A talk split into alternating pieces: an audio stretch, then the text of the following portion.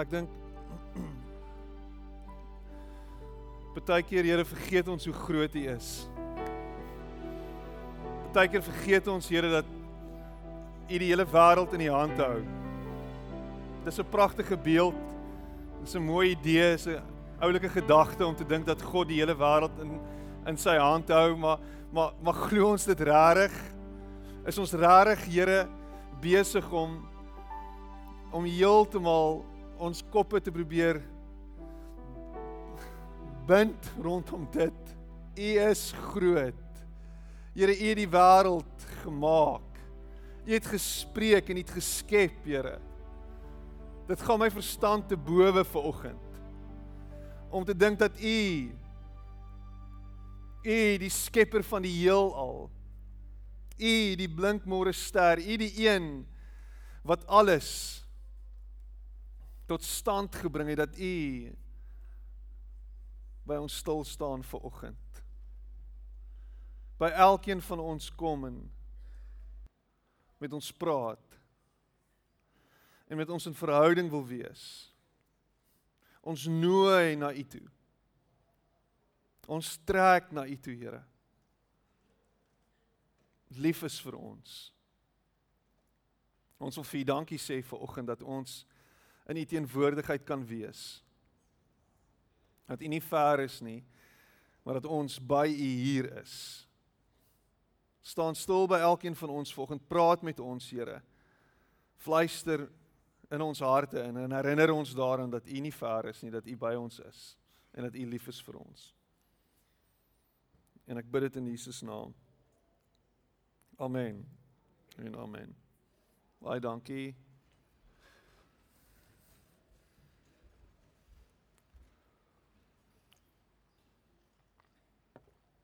Ja, dat ons projekte nou vir oggend besluit hy gaan ehm um, nie aanskakel nie. Wonderlik. Wonderlik. Die eerste eeuse Christene het nie rekenaars gehad en projektors nie. So ek troos my daarin. Hoe gaan dit ver oggend met julle? Ooh, geseënd, dankbaar, Lekker. Lekker. Gaan dit goed? Daar's 'n klomp gesigte wat vir my kyk, daar's ander wat wegkyk. Hulle wil nie oogkontak met my maak nie. Hulle ignoreer my.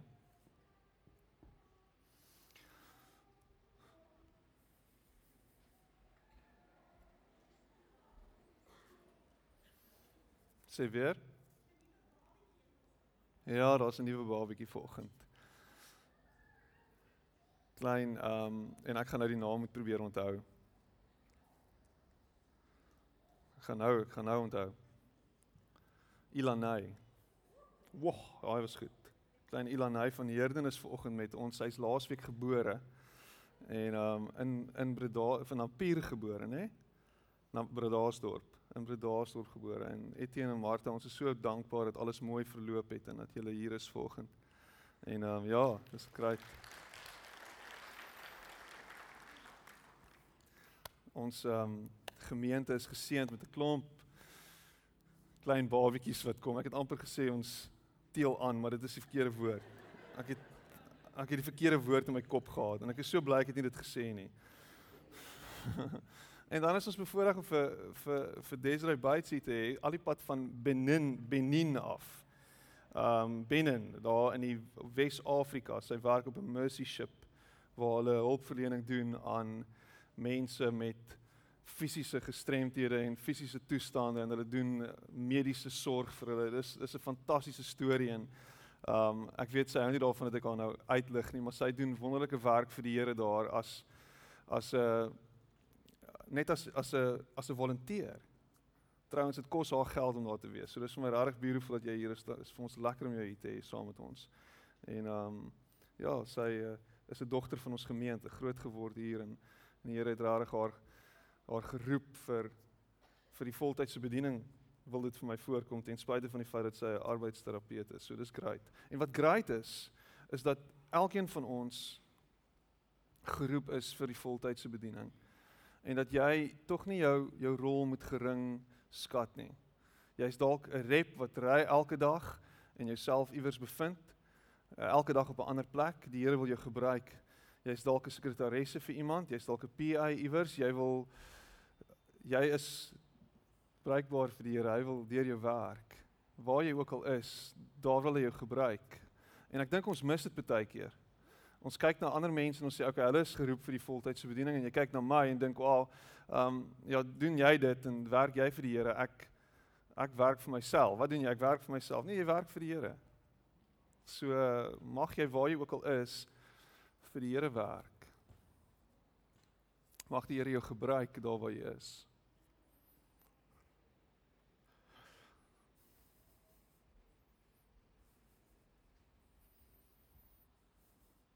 Daar's so daar's so 'n bietjie van 'n atmosfeer vanoggend hier en ek ervaar net iets. En en en miskien sit jy hier vanoggend en jy jy't rarig en dit klink so klise. Jy't rarig massive behoefte vanoggend. Jy sit hier en jy jy't rarig 'n klomp vrae. Waarvan die antwoord is net beyond jou. Jy weet nie hoe dit gaan werk nie. En ek weet nie, ek al wat ek vir jou wil sê is Die Here neem kennis van dit. Hy's by jou. Hy's nie ver vanoggend nie.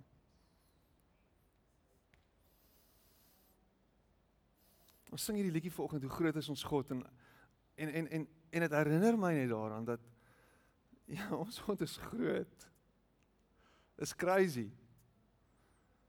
En ek ek verstaan hoekom mense verval in hierdie ding van ah oh, God is 'n 'n idee. God is 'n 'n entiteit, hierdie iets, hierdie hierdie onpersoonlike mag, hierdie hierdie force waarvan waarvan Star Wars praat. En en dan dink ek vir myself, dit is maklik om daartoe te gaan. Want as hy alles geskep het, jy weet hoe werk dit?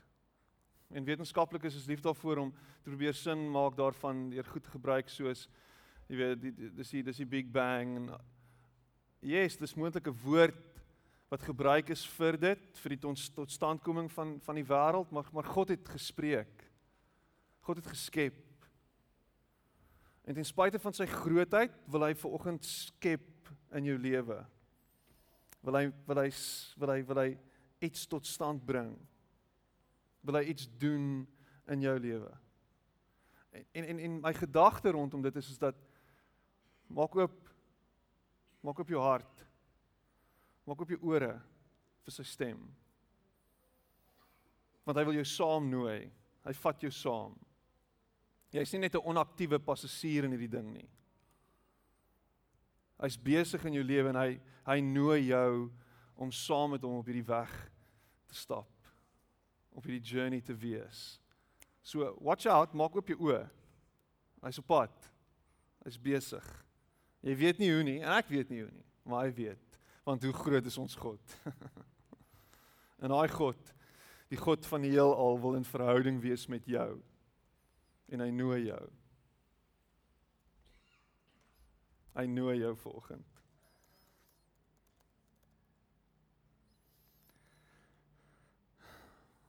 Ons het my vrou het so voordat ons kinders gehad het, um die geleentheid gehad om elke nou en dan uh, TV te kyk. ja, daar was 'n tyd gewees toe ons TV gekyk het. toe ons nog 'n TV gehad het. En ek onthou net nadat ons getroud is, ons is in Oktober getroud, 24ste Oktober 2004.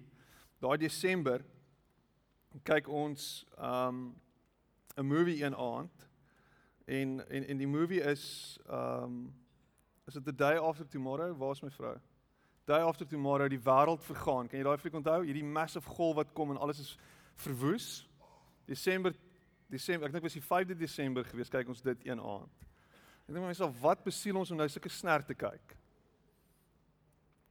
en die volgende dag toe tref die tsunami nê nee? kan jy daai tsunami onthou tsunami in Thailand. 250 000 mense gaan dood. 250 250.000 mense gaan dood. Ek gaan dit weer sê. In een dag gaan 250.000 mense dood. Dis definitief nie ons skuld dat dit gebeur het nie. Ek is oortuig daarvan. Dis nie omdat ons daai movie gekyk het nie. Maar dit is 'n verskriklike ding gewees om te dink dat in een oomblik soveel mense dood kan gaan. Een van die groot vrae wat altyd bestaan by mense en wat opkom by mense wanneer hulle God betwyfel en en God se goedheid betwyfel of selfs die die die bestaan van God is hoe kan 'n God wat liefdevol is so tragedie toelaat? En dis dis baie keer by by ateëste is dit 'n beginpunt in hulle vertrek weg van God af. Is hoe kan 'n goeie God dit toelaat? En ons kyk nou wat in die wêreld aangaan op die oomblik. Dis crazy goed wat aangaan. Maar dit was altyd daar. Daar was altyd crazy goed wat gebeur het. Ons is nou net skielik weer bewus daarvan as gevolg van News24 en en al hierdie nuus apps en en CNN in die wêreld wat heeltemal een village is. So ons weet van 'n klomp goed meer as wat ons geweet het daarvan jare gelede. Maar iets wat my getref het weer hierdie week is die verskriklike ding wat wat wat ek op die paal gesien het, ek dink 2 weke terug. Ma steek kleuter met 'n mes. Haar eie dogter steek sy met 'n mes.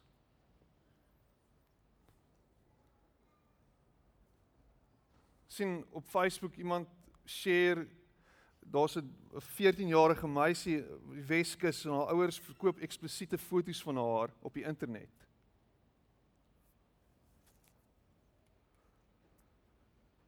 Hoe werk hierdie goed?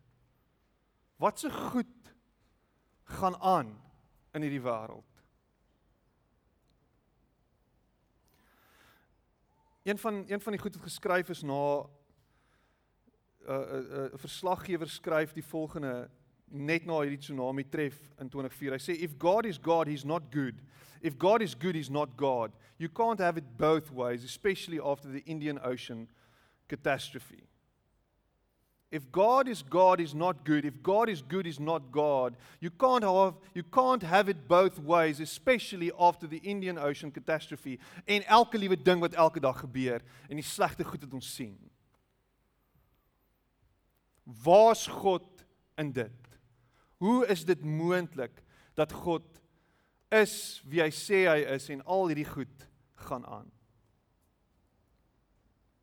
En miskien het daar iets in jou lewe gebeur, iets baie persoonlik, iets wat jy gesien het en jy worstel met hierdie selfde ding.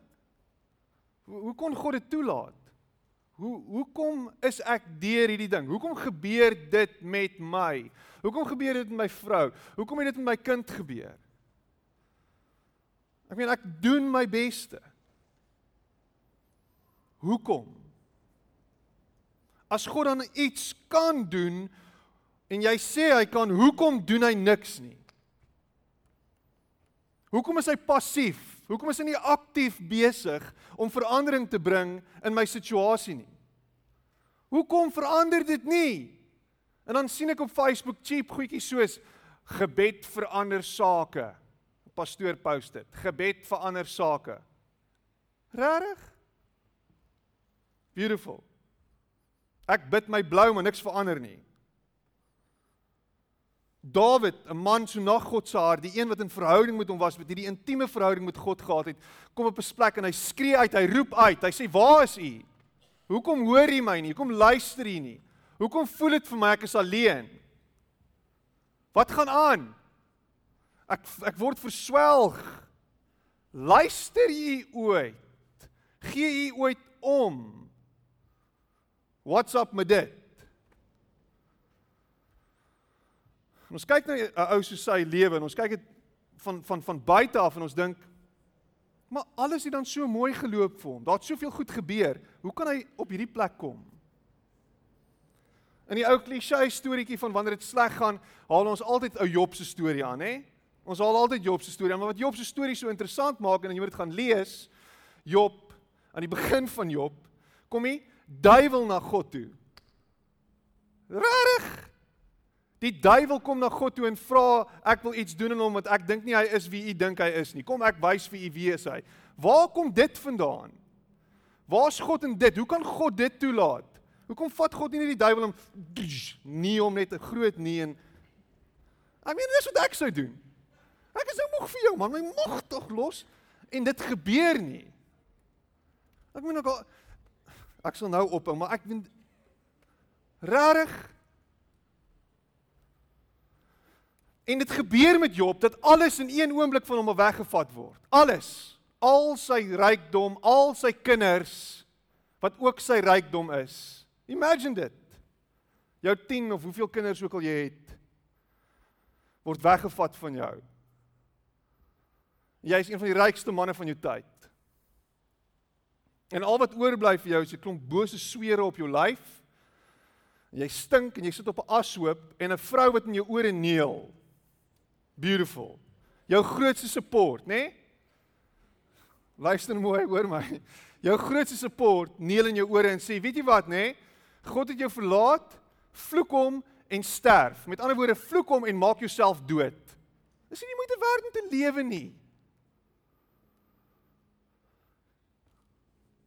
Sy sien die desperaatheid van die situasie. Daar's geen hoop nie. Daar's niks nie. Daar's nie 'n uitkoms in sig nie. Maak jouself dood. Jy het my goedkeuring. Die volgende storie is vir my net so 'n interessante storie. Johannes die Doper se storie is 'n storie van iemand wat kom voor Christus en hy is besig om die pad oop te maak vir hom, oop te breek. Alles wat hy doen, sy hele lewe draai om die verkondiging van Jesus, die een wat na my kom. Om te vertel wat hy gaan doen, want hy gaan die wêreld verander, hy gaan die wêreld verlos. Hy gaan die wêreld kom red. Dis 'n beautiful ding. Hy lewe sy hele lewe vir Jesus. Ek meen ons almal is veronderstel om ons lewens vir Jesus te lei. Hy doen dit. Hy lewe dit eerstens en stank vir dank, hy word in die tronk gegooi. En op 'n stadium vroeg hy en hy worstel en hy's hy stuur sy disippels na Jesus toe en sê ek wil net seker maak dat u is dat u regtig is. Dat u regtig die seun van God is. Net seker maak daar daaroor. En ek moet vir jou sê as ek Johannes was en ek was in die tronk gewees en ek sit in my hele lewe is gewy aan iemand anders wat die hele wêreld gaan verander, sal daar hoop in my hart wees dat miskien kan hy iets kom doen om my uit te haal. Miskien kan daar iets gebeur. Miskien, miskien kan hy deurkom vir my. Miskien, waar's God? Asseblief Jesus, kom help my. En al wat Jesus vir hom sê, dit is dit is dit is ek is.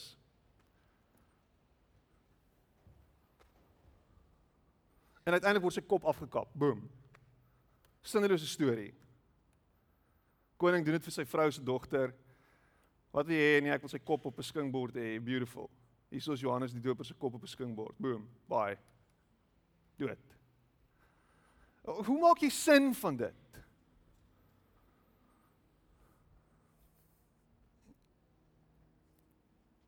Ek weet nie. Dinge maak nie sin nie. En wanneer kom by pyn, voel dit dat God nie regverdig is nie. Voel dit vir ons asof God onregverdig is voel asof dinge nie reg is nie en dan skielik begin jy bewonder of dit alles die moeite werd is. 1 Petrus 1 vers 6 tot 7. Yes, ek het hierdie week vir my het 1 Petrus iets gedoen. Daar was iets wat gebeur het hierdie week toe ek dit lees. Die hele hoof die hele boek deurgelees. Dit is een van daai boeke wat jy in een sitting kan deurlees maar dit dit dit ruk jou. Want Petrus skryf hierdie twee briewe, 1 Petrus en 2 2 Petrus, jy kry die gevoel hy skryf dit net voordat hy doodgaan. Dis op pad. En as jy as jy as jy gaan lees hoe Petrus dood is, weet jy hoe hy dood is. Hy's onderste bo gekruisig. Want hy sê toe nou hy wil nie gekruisig word soos Jesus nie. So kruisig my maar eerder onderste bo. Asof kruisiging nie erg genoeg is nie, word hy onderste bo gekruisig. Is redelik erg. Hy skryf hierdie, hy sê dit kan gebeur 1 Petrus 1 vers 6 tot 7. Jy's welkom om notas te maak. Dit kan gebeur dat daar in julle alledaagse lewe dinge gebeur wat nie vir julle lekker is nie. En wat julle geloof op allerlei maniere toets. Hierdie is Petrus. En dan sê hy die volgende: Moenie dat dit julle van stryk afbring nie. Kom ons neem goud as 'n voorbeeld. Geld wat van goud gemaak is, hou natuurlik nie vir altyd nie. Tog doen mense moeite om dit in 'n baie warm vuur te sit om so al die veiligheid wat in die goud vassit weg te smelt. So is dit met die geloof ook. Dit moet getoets en suiwer gemaak word. Asof dit nie erg genoeg is dat ons glo in 'n God wat ons nie kan sien nie, dat ons glo in 'n God wat vir ons gekom het en vir ons gesterf het, asof ons al hierdie goed moet moet glo, blindelings glo, is dit nog wat met ons gaan gebeur? Petrus aan die woord. Julle geloof moet getoets word.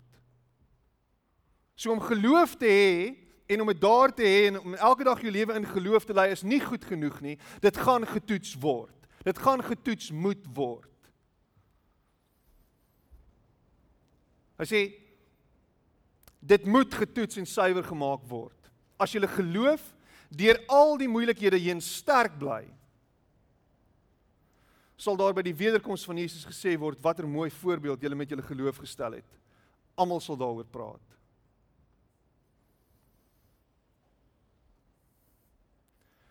Daar is in ons pyn altyd 'n doel. Dit is nie sinnelose pyn nie. Dis die eerste punt wat ek wil maak. Niks waardeur jy gaan, geen pyn, geen seer, geen gebrokenheid wat jy face is sinneloos nie.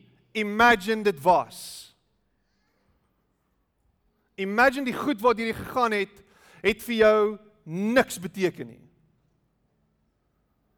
Die heelal is sadisties en probeer jou net verneder. Maar dis nie wie God is nie. God wil vir jou wys dat in jou pyn is daar 'n doel, is daar iets aan die werk agter die skerms. Is hy op pad daarmee? En God laat nie noodwendig toe dat sulke goed gebeur nie, dit gebeur. Imagine dit. Jy hoor die storie van Job. Job se storie is Dis asof God passief is en terug staan en sê okay, doen dit, want ek weet wie Job is. Maar dis nie altyd hoe dit werk nie. Goed gebeur en seer gebeur as gevolg van die gebrokenheid van hierdie wêreld. Ons kan nie wegkom van dit af nie. En om te sê dat God sekere goed heeltyd toelaat, is om te glo dat God ons wil seermaak. Maar my gevoel rondom pyn is juis dat God uit dit wat seer en sleg is, iets goeds gaan doen. Daar's 'n verskil. Uit dit wat seer is, kom hy en hy maak iets moois daaruit. Hy's nie aktief besig om te kyk hoe seer hy ons kan maak nie. Hy's aktief besig om te sien hoe hy ons uit ons pyn uit kan haal en vir ons iets daarmee kan laat doen. Dit is baie stil vanoggend.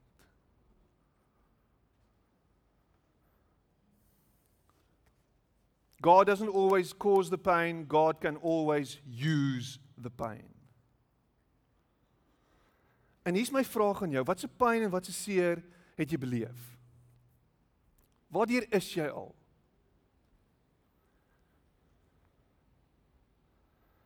Wat het jy al beleef?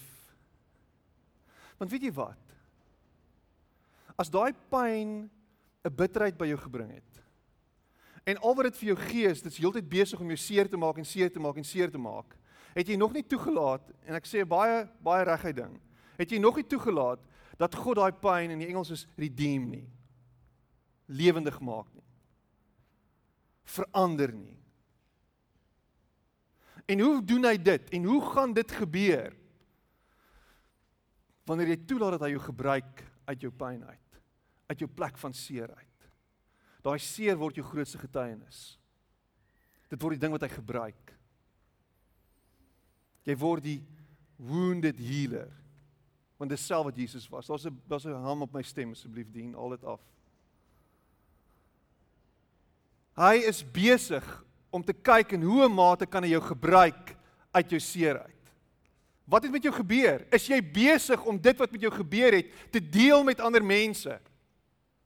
Ja, dat 15 jaar terug slegte ding met my gebeur, maar ek wil vir niemand daarvan sê nie. Die Here wil jou gebruik. Die Here wil jou seer, wil hy gebruik om vir iemand anders ter iets te beteken. Anders is daai pyn sinneloos geweest. In die oomblik wanneer jy begin om dit te gebruik, die oomblik wanneer jy begin om te praat daaroor en in ander mense se se lewens te invest, is jy besig om 'n verskil te maak. Is jy besig om hoop te bring? Is jy besig om lewe te gee daar waar daar nie hoop is nie? Maar wanneer ons hoor dat iemand anders is wat hierdie selfde seer as ons is, begin dit skielik sin maak.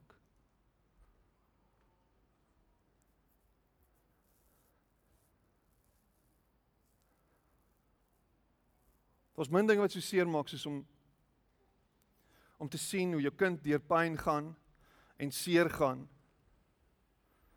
En jy dink vir jouself, wat is die sin hierin? En julle ken ons storie en ek dink daar's baie erger stories. Maar vir ons is ons storie erg. Dit is vir ons erg met ons klein dogtertjie. Maar ek kan nie vir jou sê hoeveel opgewondenheid daar in my hart is om in 'n posisie te kom waar my storie en waar ons storie iets beteken vir iemand anders te nie. Waar ons storie besig is om hoop te bring in iemand anders se lewe nie. Moenie vashou aan daai pyn en jouself die heeltyd jammer kry daaroor nie. Dit was erg, ek stem. Ek hoor jou en ek was self daardeur nie. Maar jy moet besig wees om toe te laat dat God deur dit wil werk. Iets wat jy baie baie baie goed moet besef en as ons na die tweede punt toe kan beweeg en is dat God altyd teenwoordig is in jou pyn. God is altyd daar wanneer dit seer is. God is daar. My my my hart, die kere wat my hart die meeste gebreek het, is daai kere wat ons in die hospitaal is en ons kleintjie seer gemaak word deur 'n verpleegster, hulle sterrebel mense, verpleegsters. en hier sit 'n paar vanoggend en hulle loer my so. OK. En jy's in daai kamertjie en hulle soek 'n aar waar hulle daai simpel drup moet indruk. En hulle doen dit nie soos normale mense nie, hulle moet dit inkry. En jy kyk en jy's by jou dogtertjie en jy hou haar vas. En jy sê vir haar dit gaan oukei okay wees en sy skree blou moord. Dis reg. En die trane loop by jou ook, by my ook. Want daar's jy kan niks daaraan doen nou nie. Daai pyn is reël. Maar dit gaan beter word. En ek is daar. Ek sien waar deur sy gaan. Ek sien wat sy beleef. En as as God ons Vader is, as God ons Pa is, as God regtig aktief lief is vir ons en in verhouding met ons is, dan is hy daar. Dan is jy nie alleen nie. Dan is jy nie besig om deur hierdie trauma te gaan en jy is God verlate nie. Dan is die rug nie jou toegedraai nie. Dan weet hy presies van elke liewe traan wat gestort word. En die Bybel sê dit. Hy vang ons trane op. Hy neem kennis daar. Hy's daar. God met ons. Immanuel. Hy sê God is our refuge and strength and ever present help in trouble. Psalm 46 vers 1. Jy weet, ons sê baie keer vir God, Here, ons het iets nodig. En hoeveel keer bid ons dit nie? Jou jou gebede is altyd, Here, gee vir my. Ek wil dit hê. Ek soek dit. En kom nou wees nie eerlik met my. Jy bid, Here, gee my dit, want ek weet ek het dit nodig. Ek weet wat ek nodig het. En ons bid spesifiek en jy het al van hierdie kansel af gehoor, jy moet spesifiek bid. Here, ek soek daai fiets. Daai blou fiets met die swart wiele en die rooi handles. Ek soek daai fiets. Here, ek soek daai werk. Here, ek soek daai kar. Ek soek dit. Ek bid dit. En al wat God vir ons wil wys eintlik in dit alles is nie noodwendig om vir ons te gee wat ons wil hê nie. Hy wil vir ons wys dat hy is wat ons nodig het. Oh! What a cliché. God wil vir ons wys dat hy is wat ons nodig het. En wanneer hy alleen is wat jy nodig het en wat jou krag gee en wat jou sin gee en wat jou in hierdie lewe vashou, as hy dit alles is, het jy alles wat jy nodig het. Het jy alles wat jy gedink het jy het nodig? Want hy is wat jy nodig het. Hy kom wys vir jou in jou seer dat hy is wat jy nodig het. En hierdie hierdie ou storie, jy ken Paulus se storie. Paulus, die ou wat die helfte van die Nuwe Testament geskryf het. Paulus, hierdie geestelike reus. Paulus wat hierdie amazing goed vir die Here gedoen het. Paulus wat deur al hierdie pyn en seer en goeie gekom het ter wille van die Here, sit op 'n plek en hy bid en hy vra Here asseblief, haal hierdie doring uit my vlees uit. Hierdie ding. Hierdie iets. Hierdie ding wat my terughou. Hierdie ding wat my elke dag hond. En jy sal nou dink 'n geloofsreus soos Paulus ken die klise gebed vir ander sake en hy weet dit want ek dink hy het dit geskryf. en hy bid dit. En 3 keer bid hy. Hy bid baie 3 keer. En al wat die Here vir hom sê is uh, nee. Nee. En sy antwoord is Dis sy antwoord. Sy antwoord is my genade is vir jou genoeg. My goedheid is vir jou genoeg. Dis al. Dis al wat hy vir hom gee. Ek ek soek hom 'n bietjie meer as dit. Asseblief, Here. Asseblief. My genade is vir jou genoeg. In my eie lewe moes ek op hierdie plek kom waar ek vir die Here vra, Here, regtig gaan ek my hele lewe lank soos soos 'n klein babietjie sukkel met ekseem? Gaan ek myself die hele tyd krap en juk en en gaan my vel altyd so lyk? Like? En al die emosionele issues wat daarmee saamkom as jy my storie ken, hoe kinders my gespot het, hoe ek hoe ek gevoel het soos 'n flippin melaatse. Het hy nou net flippin van die stage af gebruik? Ja.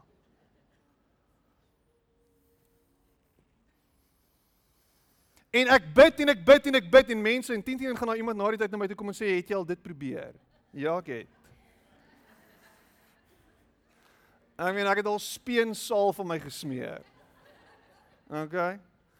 So speensaal werk nie. Ek dink ek het al rou eiers op my uitgegooi. Ek weet nie wat ek al al gedoen het nie. Eiers is in elk geval sleg vir iemand met ekseem. So bottom line is die Here het my nou nog nie gesond gemaak nie en ek is 38 jaar oud. Die dokter het vir my gesê jy sal dit ontgroei. So ek is nog nie groot nie, dis ten minste ek weet dit ten minste. Ek is nog besig om so vergewe my. Ek is nog heavy kinderagtig, spreek my vry. Okay, die Here is nog nie klaar. Ek is nog besig om groot te word. Ek gaan dit ontgroei. En al wat die Here vir my sê is my genade is vir jou genoeg. Kan ek rus in die feit dat God goed is en dat daar ander fasette in my lewe is waar ek na sy guns kan kan kyk en sê wow. Dis net in hierdie een area van my lewe waar dit rarig wow.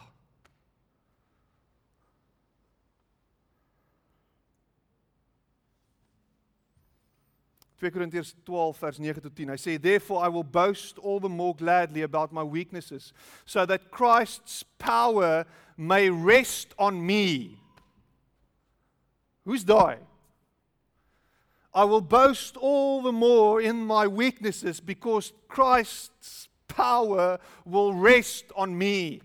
Christus se krag. Hoe maak Christene sin van hierdie wêreld in ons swakheid en in ons gebrokenheid. Die enigste manier hoe jy sin maak in hierdie wêreld is dat wanneer jy swak is, is jy juis sterk want Christus se krag rus op jou. Dis crazy. Dis ons hoop. Dis waarin ons vashou. Dis waarin jy vashou in jou oomblikke van heeltemal uitgemergeldheid, waar jy lê en jy nie meer weet nie waar jy verneder is en stikkend is en platgeslaan is.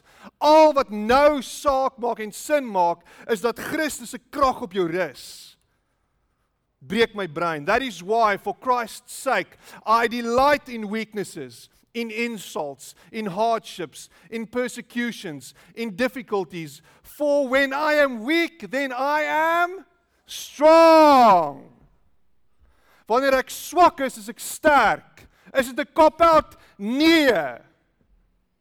Want niks in hierdie wêreld maak anyway sin nie.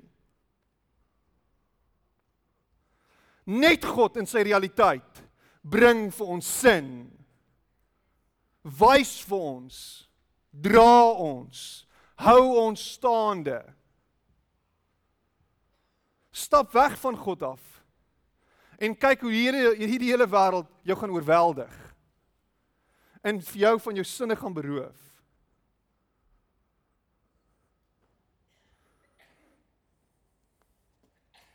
So ek verbly my in my ekseem. Ek verbly my in my ekseem want dit trek my nader. Dit bring my nader na Christus toe. Ek verbly my in my kanker. Want Christus is by my in daai oomblik waar ek nie kan nie, waar ek self nie kan nie. Ek verbly my in my bankrotskap want Christus is my voorsiener. Ek verbly my in my in my gebroke huwelik want God is by my en hy gaan my hart heel maak. Ek verbly my in die feit dat ek niks het nie. Maar God is my voorsiener.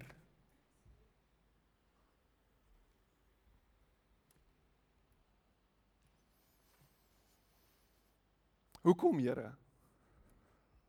En al wat die Here wil hê is hou vas aan my.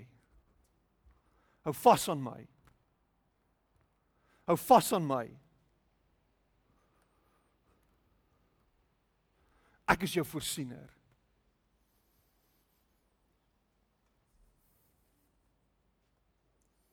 God is besig met my. Immanuel is by my. God met ons. So dink bietjie hieraan. Dink bietjie aan die aan die aan die pyn wat jy beleef as iemand wat jy ken, 'n kennis. Jou agter jou rug beskinder en beswadder. Waar iemand wat jy gedink het jou vriend is, met wie jy in verhouding gestaan het, jou die rug toe gedraai het en weggestap het. Dink bietjie aan daai pyn, dis seer, né? Nee? Die pyn eskaleer. Wanneer dit iemand is wat wat regtig naby aan jou was. Iemand wat jy met wie jy uitgegaan het, jy was lank in 'n verhouding, jy was dalk 2 jaar saam en skielik vind jy uit dat sy jou verneek het met jou beste vriend. Die pyn is reëel, dis seer. Dis daar. Dit voel, dit voel vir my asof daai pyn bietjie meer is as die vorige pyn. Nou gestel jy's getroud. En jy is vir 10 jaar getroud en jy vind uit jou man het 'n verhouding met 'n ander vrou gehad of met 'n ander man. En skielik is daai verhouding verby. Die pyn is reëel. Dis seer. Jou eggenoot gaan dood. Pyn is ondraaglik. Jou kind gaan dood. Hulle sê dis 'n erger pyn. Jou pa gaan dood, jou ma gaan dood. As jy Johannes 1 gaan lees, sien jy dat Jesus van die begin van tyd af reeds daar was. God het hom nie geskep nie. Hy het nie hy is nie tot stand gekom nie. Hy was daar. Hy's deel van die drie eenheid. Hy het en deur hom is alles geskep. Is alles gemaak. Dink aan daai dink aan daai verhouding tussen hom en die Vader en die Gees. Daai daai intieme verhouding. OK? En die, en die, en die woord sê dat die die die die die die, die Bybel sê dat die woord Christus vlees geword het. Hy het mens geword en hy het onder ons kom woon. En en die beeld wat ons kry is dat dat die Vader en jy kry die idee dat die Vader in die hemel is en in in in Christus is op aarde en hulle is verwyderd van mekaar, maar daar's nog steeds 'n 'n mate van intimiteit want hy hy's in verhouding met sy Vader. En dan kom jy by 'n plek uit waar jy sien dat Jesus se pyn wat hy beleef het aan die einde van sy lewe skielik begin eskaleer het. En in in in in the reason for God van Tim Keller en as jy ooit 'n boek wil wil lees oor hoekom glo in God, is dit die boek wat jy moet lees. The reason for God. Okay, onthou dit. Skryf dit neer. The reason for God. Een van die beste apologetiese boeke wat jy kan lees. En dan dan dan dan, skryf hy dan sê hy, hoekom het Jesus so verskriklik gebroke aan die kruis oorgekom? As daar martelare was wat gesterf het met baie vreugde. Jy kry die idee Jesus het swaalf wat? Hoekom hoekom is hy nie bly dat hy doodgaan nie? Dis dis dis die beeld wat hy probeer skets. Hoekom het hy met soveel suffering heen gegaan? Want selfs aan die kruis skree hy, wat skree hy? My God, my God, waarom het U my verlaat?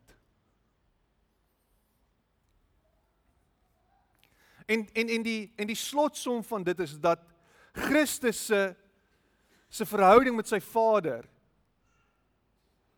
het hom gebring na 'n plek toe waar hy so in die Engels is utterly alleen gevoel het. So verskriklik verwerp gevoel het. Dat dit devastating was om te dink dat ek aan die kruis hang en die Vader het sy gesig vir my weggedraai. Waar is hy in my pyn? Hy's daar. Ek is hier, ek is alleen. Ek is verwerp. Ek neem die sonde van die wêreld op my. Almal het hulle gesig weggedraai van my af. En Jesus roep uit: "My God, my God, waarom het U my verlaat?" En al wat ons uit dit uit kan haal, is as ons gaan worstel oor hoekom die kruis en waarom die kruis. Is dat God homself op 'n plek gestel het waar hy sê ek vereenselwig my met die pyn en die seer en die onregverdigheid daarvan. Wanneer ek dit self deurgaan, ek vereenselwig met julle pyn. Ek kom en ek maak myself weerloos vir julle. Ek kom en ek beleef self die verwerping wat jy beleef. Ek kom en ek beleef self die pyn en die gebrokenheid wat jy beleef wanneer ek aan die kruis hang. En wat die kruis vir ons sê is een ding wat uitstaan van die kruis is. En een ding wat ek wil hê jy moet onthou vir oggend. Die kruis is teken en 'n daadwerklike teken dat jy nie kan sê dat God ons nie liefhet nie. Die kruis is die teken wat vir ons sê dat Christus saam met ons in hierdie simpel in hierdie gebroke wêreld homself kom verneder sodat ons na hom kan kyk en sê Here dankie dat u met my is. Dankie dat u met my is, dat u by my is, dat ek nie alleen hierdeur hoef te gaan nie en dat u reeds hierdeur was vir my. Dat dit nie die einde is nie dat dit bloot maar net die begin kan wees. Dat daar hoop is. Dat daar vir ons uitkoms kan wees. Dis ek Christ, nie die ou skryf dit. Hy sê dit so mooi. Hy sê Albert Camus skryf die volgende. Ek sou dit graag vir jou op die bord wou sit. Hy sê Christ the God man suffers too with patience. Evil and death can no longer be entirely imputed to him since he suffers and dies. So evil, dit wat boos is en die dood kan nie aan hom toegeskryf word nie want hy gaan self daardeur. The night on Golgotha is so important in the history of man only because in its shadows the divinity ostensibly abandoned its traditional privilege and lived through to the end, despair included, the agony of death. Thus is explained the Lama Sabachthani and the frightful doubt of Christ in agony. So, if we embrace the Christian teaching that Jesus is God and that He went to the cross, then we have deep consolation and strength to face the brutal realities of life on earth. We can know that God is truly Emmanuel, God with us, even in our worst sufferings. En die crazy ding en hiermee sluit ek af is dat dood is nie die einde nie. God het 'n manier om uit ons dooie situasies altyd lewe voort te bring. Jesus moes deur dood gaan sodat hy opgewek kon wees uit die dood uit, sodat sy krag tentoon gestel kon word, sodat daar vir ons hoop kan wees dat hierdie dood net sinneloos is nie. En miskien voel jou situasie dood en miskien voel dit vir jou asof daar geen hoop is nie, maar daar is want Christus het die dood oorwin. Christus het die dood oorwin en daarom sal daar lewe uit jou dooie situasie uitkom.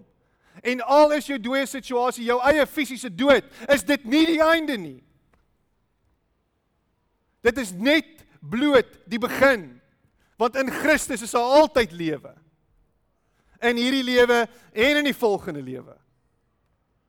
Waaraan hou jy vas vir oggend? Dis my groot vraag. Aan wie hou jy vas? Aan 'n gedagte van Jesus, aan 'n gedagte van 'n godheid, aan een of ander oosterse mistieke belewenis? Hou jy vas aan niks? Hou jy vas aan die univers? Waaraan hou jy vas vanoggend? Want ek noop jou vanoggend en ek vra jou met trane in my brein oë. Hou vas asseblief aan Jesus. Dis al wie vir jou hoop in hierdie lewe kan gee. Dis al wie vir jou iets kan bring wat vir jou sin kan laat maak van die pyn en die seer in hierdie wêreld. Hy is daar. Hy vereenselwig in ons pyn. En hy sê kom, ek wil jou hand vat. Ek sal jou hierdeur dra. Ek sal met jou wees. Ek sal by jou wees al slaan die see jou stikkend op die rotse. Ek is met jou. En dan, wanneer dit gebeur, sal ek jou optel sal ek jou uithaal. Moenie toelaat dat jou pyn jou vernietig nie. Moenie toelaat dat die seer jou weerhou van 'n verhouding met die Here nie. Moenie jou rug draai op God omdat jy pyn beleef nie. Vat hierdie pyn, vat hierdie seer en gaan na hom toe. Hierdie gemors wat in hierdie wêreld aangaan, vat dit vir hom. Die feit dat jy nie daarmee kan deel nie, gee dit vir hom. Here, ek kan nie. Maar laat u genade vir my genoeg wees vandag asseblief. Ek hou vas aan u. aan die feit dat u my nooit sal los nie.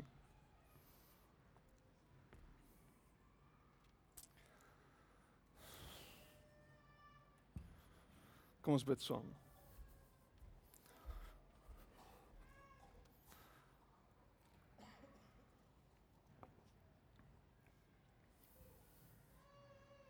Here ons pyn en ons seer. Gee ons vir U. Ons vernedering ons gebrokenheid gee ons vir U. Ons bitterheid Here breek dit vat dit weg in Jesus naam. Ons het U nodig, Here. Ons kan nie sonder U nie. U is ons hoop. U is ons lewe.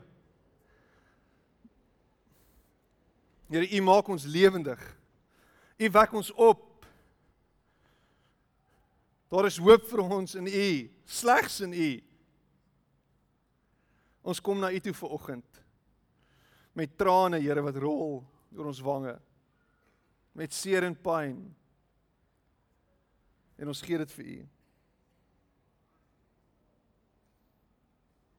Dankie dat U nie U gesig wegdraai vir ons nie. U was deel van dit. U het self deur die pyn gegaan. Here gebruik ons pyn om ander te te inspireer. Mag ons stories ander van hoop voorsien. En ek bid dit in Jesus naam. Amen.